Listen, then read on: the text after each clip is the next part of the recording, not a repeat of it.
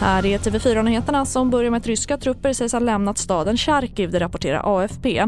Charkiv är Ukrainas näst största stad och attackerades av ryska trupper under kvällen och natten. Och under förmiddagen utbröt markstrider. Men enligt stadens guvernör ska Ukraina nu återigen ha kontroll över staden.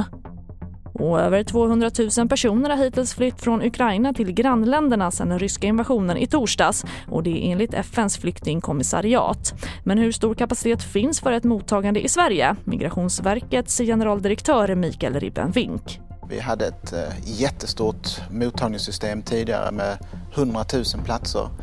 Eh, idag har vi en tiondel av det, så ungefär 10 000 platser. Men de är ju också belagda med ungefär 8000.